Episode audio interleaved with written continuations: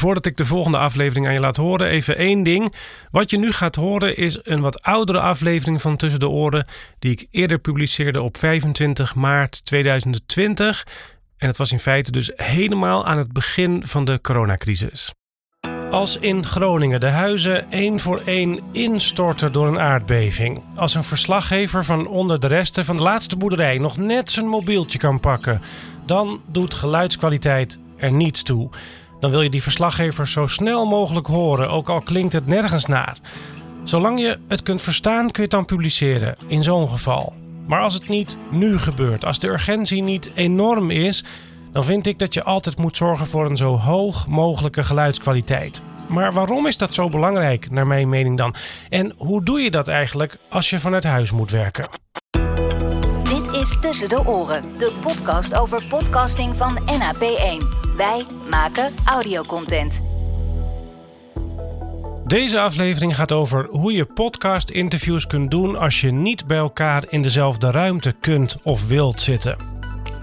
Door het coronavirus werken we nu zoveel mogelijk binnen. En dat zijn uitdagingen voor podcasters. Want we zijn gewend om in een studio of in onze woonkamer of aan de keukentafel bij elkaar te zitten. Of elkaar op te zoeken voor interviews, voor reportages of storytelling. Dat je bij elkaar langs kan gaan dus. Elkaar min of meer fysiek kunt ontmoeten. En dat kan nu niet, dus we moeten improviseren.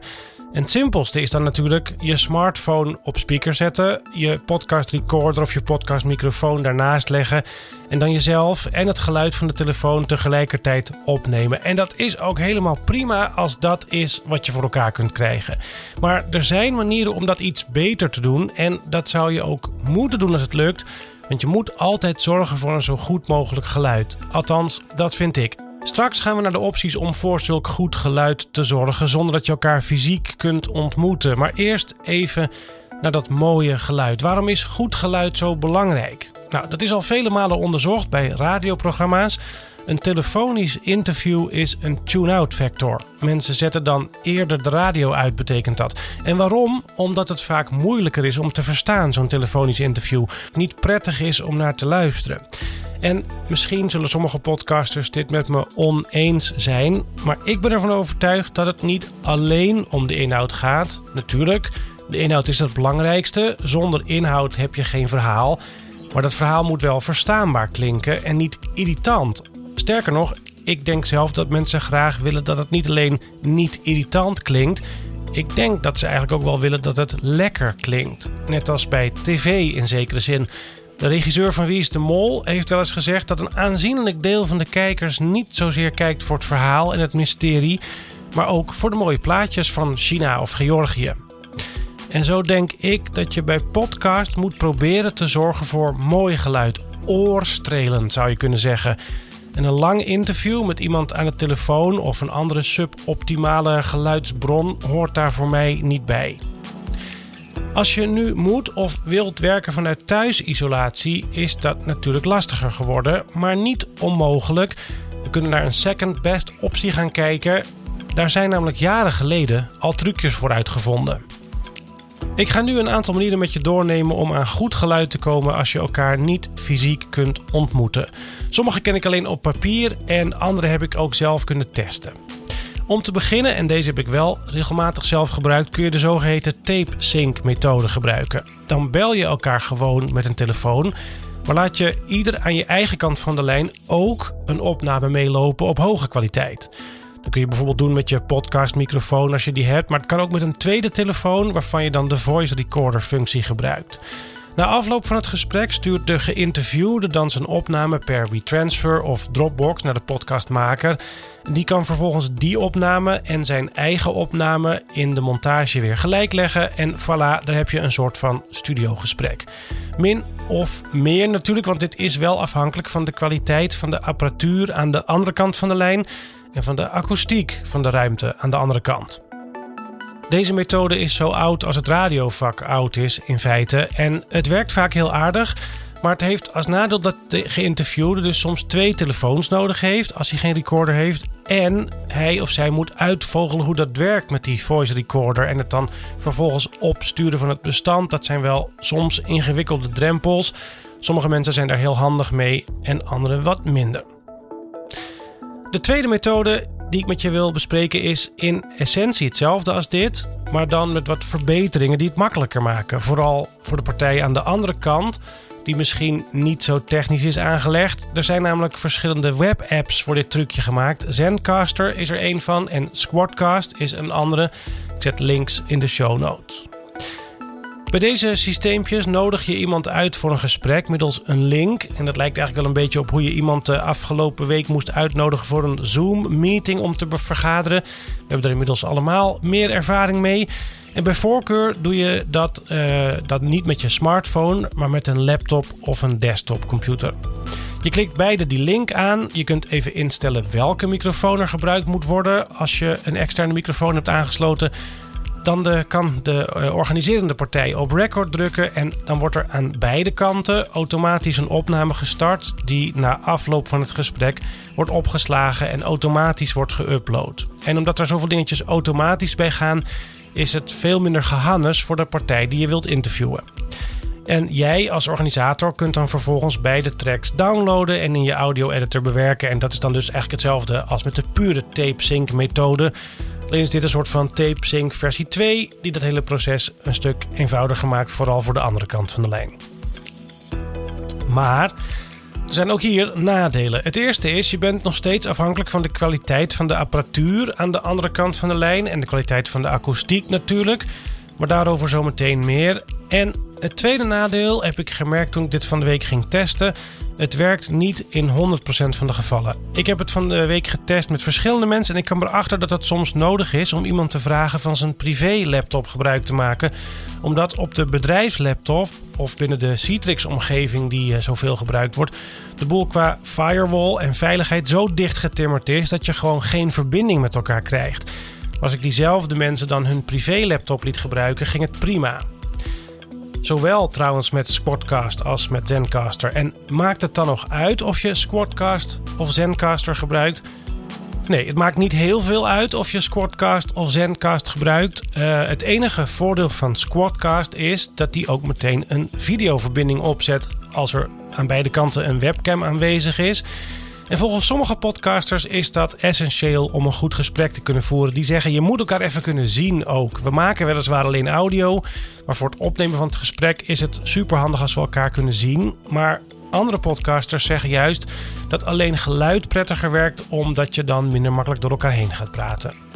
Het beeld wordt trouwens met Squadcast niet opgenomen. Je kunt het dus wel gebruiken tijdens het opnemen, maar het wordt niet opgenomen.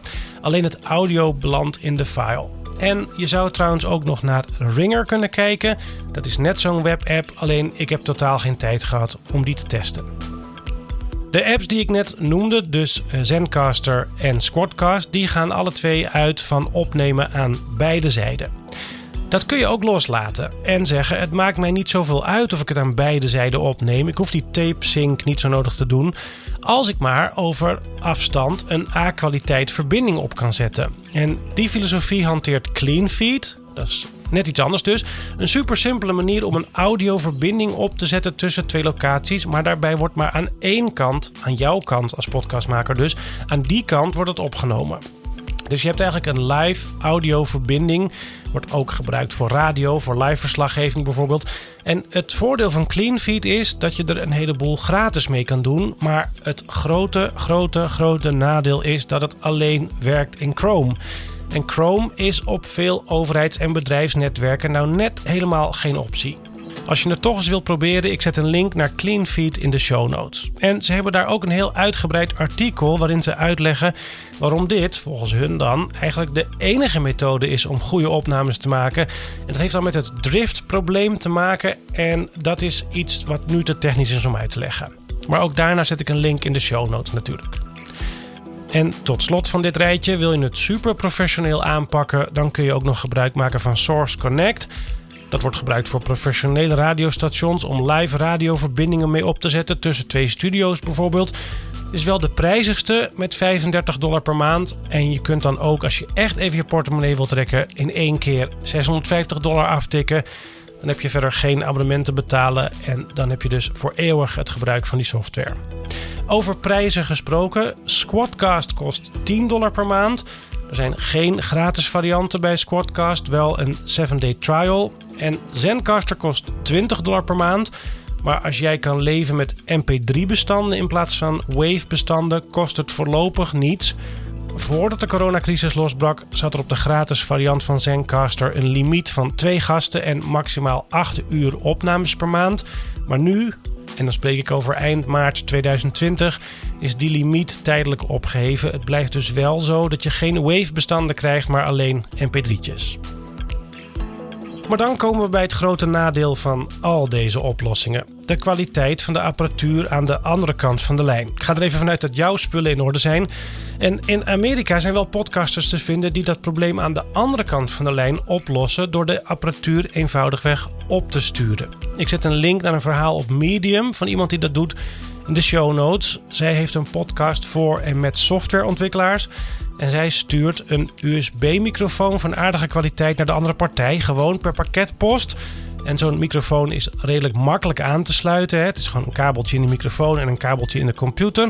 En het werkt dus ook als je niet zo technisch bent. Het is wel zaak dat iemand bij het opzetten van de verbinding dan even voor die microfoon kiest. Want er zit meestal natuurlijk ook een ingebouwde microfoon in de laptop of in de desktopcomputer.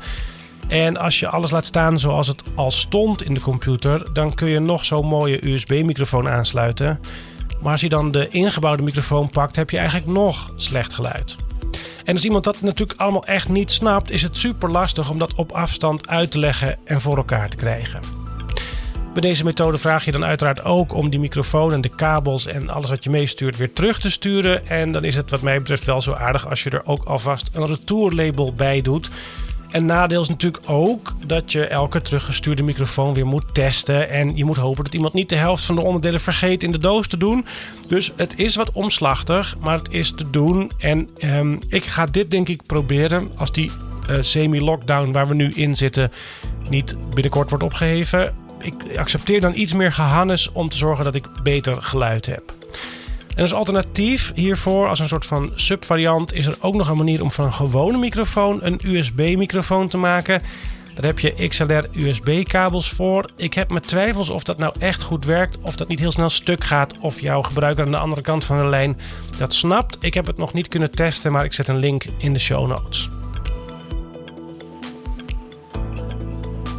Tot slot, zometeen nog mijn advies voor welke oplossing je nou moet kiezen. Maar eerst nog kort iets anders. Waarom zou je nou geen Skype, WhatsApp of Zoom-meeting starten en het geluid daarvan gewoon opnemen?